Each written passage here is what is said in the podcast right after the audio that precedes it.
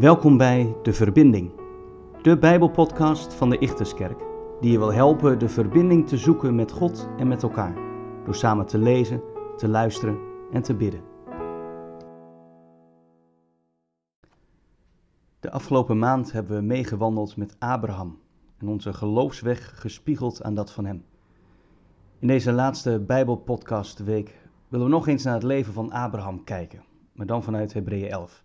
En vandaag het begin van Hebreeën 11, namelijk vers 1 tot en met 3. Het geloof legt de grondslag voor alles waarop we hopen. Het overtuigt ons van de waarheid van wat we niet zien. Om hun geloof werden de mensen uit vroegere tijd geprezen. Door geloof komen we tot het inzicht dat de wereld door het woord van God geordend is. Dat dus het zichtbare is ontstaan uit het niet zichtbare. Er zijn veel dingen die we niet kunnen zien, maar die er wel degelijk zijn. Denk maar aan de aerosolen waar het vandaag de dag veel over gaat. De kleine deeltjes in de lucht die misschien wel stukjes van het virus kunnen bevatten. Je ziet het niet, maar het is er wel. Denk ook maar aan het wifi-signaal. Je ziet de wifi-lijnen gelukkig niet door de woonkamer zweven, maar toch kun je ze wel opvangen met je telefoon.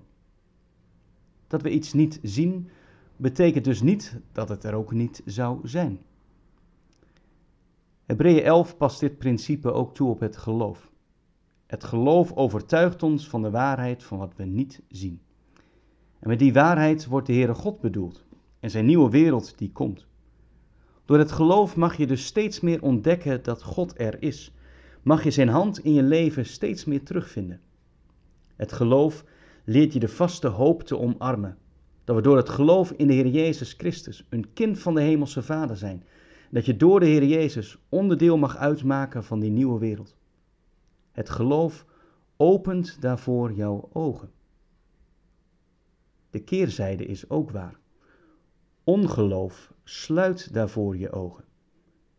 Als je niet in God gelooft, zul je ook weinig van God zien of merken. Het lijkt wel alsof Hebreeën 11 hier zegt: je moet eerst geloven, dan pas ga je dingen van God zien. Ja, God zelf zullen we in dit leven niet zien van aangezicht tot aangezicht, maar mogen al wel iets van Hem opmerken.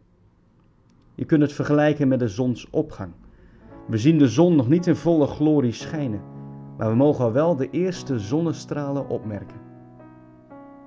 Dan kijk eens door die bril naar jouw leven en ontdek zo de zonnestralen van Gods aanwezigheid, ook bij jou. Dank u wel, Heere God, dat ik mag weten dat ook al zie ik u niet, dat u er wel bent. Wilt u mij geloof geven, de ogen openen voor die zonnestralen van uw aanwezigheid, ook in mijn leven. Amen.